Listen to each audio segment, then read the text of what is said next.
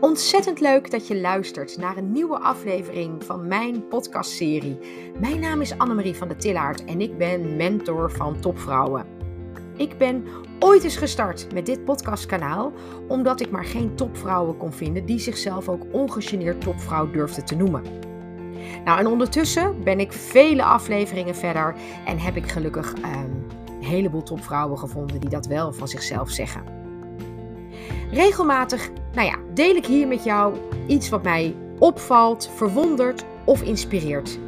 En nog net zo vaak ga ik met andere topvrouwen in gesprek, omdat ze mij namelijk weer inspireren. En ik hoop jou dus ook. Nou, geniet ervan, want hier is weer een nieuwe aflevering in de serie Topvrouwen.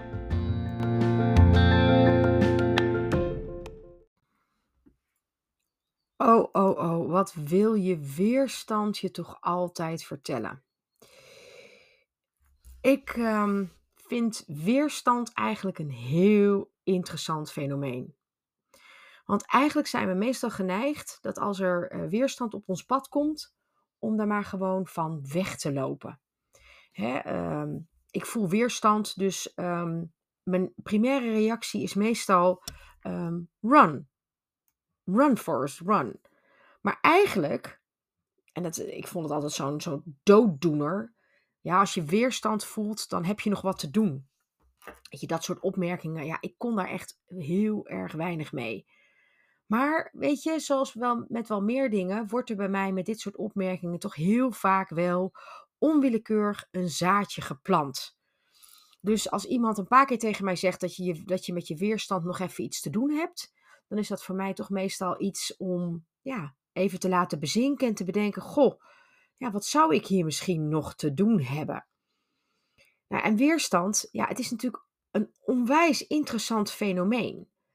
Zeker als je midden in een persoonlijke uh, transformatie zit, hè, een persoonlijk groeitraject. Uh, uh, en ik kan wel zeggen dat ik daar voor mezelf heel nadrukkelijk middenin zit.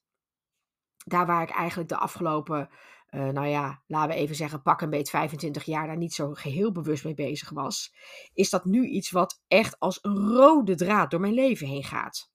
ik probeer uh, steeds te kijken wat ik moet veranderen, waar ik kan groeien of waar ik nieuwe dingen kan ondernemen.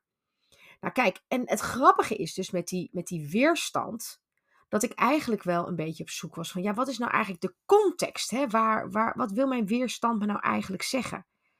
Ja, en daar ben ik uh, um, in de afgelopen weken toch alweer uh, heel nadrukkelijk mee aan de slag gegaan. Omdat ik namelijk ook diezelfde weerstand voelde bij uh, de vrouwen die bij mij in uh, het 100 dagen programma zitten. Um, die, ja, die hadden op een gegeven moment ook echt wel weerstand. Hè, van poeh, wat een, uh, wat een boel, wat een hoop, wat een snelheid, wat een tempo, wat een pressure cooker. Uh, ik weet niet of ik dit nog wel kan en wil volhouden, of ik dit wel moet volhouden. Er werd een hoop moeten geroepen. Uh, um, ja, en het is vaak belangrijk, ja, weet je, dat je eigenlijk wel mag begrijpen dat als je weerstand voelt, dat er misschien dus iets is wat je nog even moet onderzoeken. En ja, dat is niet altijd gemakkelijk. Want uh, um, het kan zomaar zijn dat je je heel ongemakkelijk voelt bij een bepaalde situatie. En dan is het toch wel belangrijk om voor jezelf nou eens te achterhalen waarom je nou weerstand voelt. En um, om heel eerlijk te zijn, is weerstand meestal een zijn van angst. Omdat je uit je comfortzone wordt getrokken. Ja, en dat levert vaak een heleboel twijfels op. En nou ja, als je niet oppast, ook nog een heleboel van die fijne saboterende overtuigingen. En het mogelijke uitstelgedrag. Van oh, ik ga maar niet door, want uh, stel je voor dat. Dus als je dit soort emoties voelt, zou het zomaar eens kunnen zijn dat jij ergens midden in je eigen weerstand zit. Maar kun je er nou wat mee? Kun je dat weerstandstuk nou een beetje doorbreken voor jezelf? Ja, echt wel. Je kunt eh, voor jezelf echt wel identificeren welke specifieke vormen van weerstand je ervaart en ook waarom. wat ligt daar nou onder? En vaak is het ja, dan wordt het een beetje een, een ingewikkeld verhaal, maar ik ga het toch proberen uit te leggen. Ja, vaak zijn het je eigen belemmerende overtuigingen waar die weerstand uit voortkomt. Omdat je zelf bijna niet gelooft dat er echt nog groter, hoger of mooiere doelen voor jou zouden kunnen liggen. En dat de angst daarvoor, hè, dus mogelijk die teleurstelling dat je daar niet komt, je als een hele slechte raadgever in de vorm van weerstand adviseert van don't go there. Ik hoop dat dat een beetje duidelijk was wat ik daarmee probeerde te zeggen. dus het gaat eigenlijk in eerste aanleg heel erg om dat zelfbewustzijn, zelfbewustzijnstuk. Ik struikel er bijna over. Ja, en dan is het natuurlijk toch weer, zoals ook de rode draad in het 100 dagen programma. Hè, ik heb eerder uitgelegd, dat gaat over de 1% methode. Als je nou elke dag maar 1% al geeft in je persoonlijke ontwikkeling, moet je eens kijken waar je na een jaar staat. Dus het gaat om kleine stapjes. Kleine stapjes. En heel geleidelijk aan je veranderingen doorvoeren. Zodat het allemaal niet zo heel erg overwhelming is.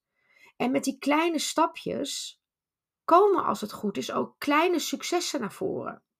En die kleine successen, door die op te stapelen, krijg je dat zogenaamde compound effect. waarbij je dus hele kleine succesjes opstapelt, waardoor het uiteindelijk gewoon in gezamenlijkheid wel degelijk tot iets groots leidt. En wat je hier ook bij kunt toepassen, ja, en nu begeef ik me waarschijnlijk helemaal op glad ijs, maar dat zijn toch positieve affirmaties. En visualisaties.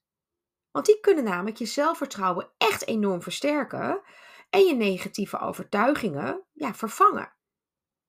Maar dat lukt echt alleen als je er open voor wil staan dat hardop naar jezelf uitspreken wat je eigenlijk graag zou willen bereiken, ehm, echt wel een, een ander effect heeft dan het alleen maar bedenken of alleen maar vluchtig door je hoofd heen laten schieten.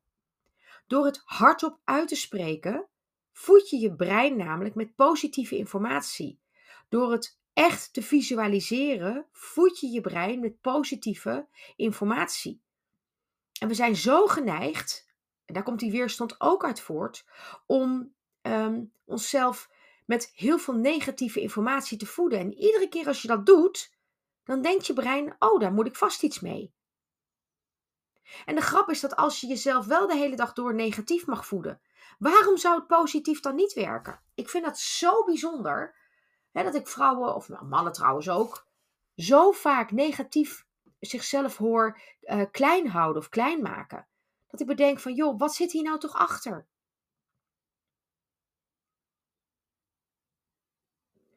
Ja, en het is ook oké om gewoon te accepteren dat je dus die weerstand ervaart. Het is gewoon een normale menselijke emotie hoor. En het is oké om te voelen. Maar Laat ze vooral niet de overhand nemen. En stel jezelf dus ook steeds de vraag: welke kleinste stap kan ik nu zetten om toch vooruit te komen? Wat heb ik nu nodig? Weerstand is niet alleen maar een rode vlag. Weerstand is iets waar je voor jezelf af en toe echt even doorheen mag breken en mag bedenken dat er vaak een nieuw plateau voor je klaar ligt, waar je, um, nou ja, mogelijk zomaar nieuwe uh, persoonlijke ontwikkeling of persoonlijk leiderschap gaat vinden. Dus als je de volgende keer die weerstand voelt, kijk het eens recht aan in de spiegel en doe eens wat met de tips die ik je zojuist gegeven heb. En laat mij vooral eens weten hoe dat voor jou werkt. Dan wens ik jou nu nog een ongelooflijk fijne dag toe. En um, geniet ervan. En als je de volgende keer weerstand ervaart, denk dan nog even terug aan deze podcast en bedenk nog eens welke tips ik hierbij heb gegeven.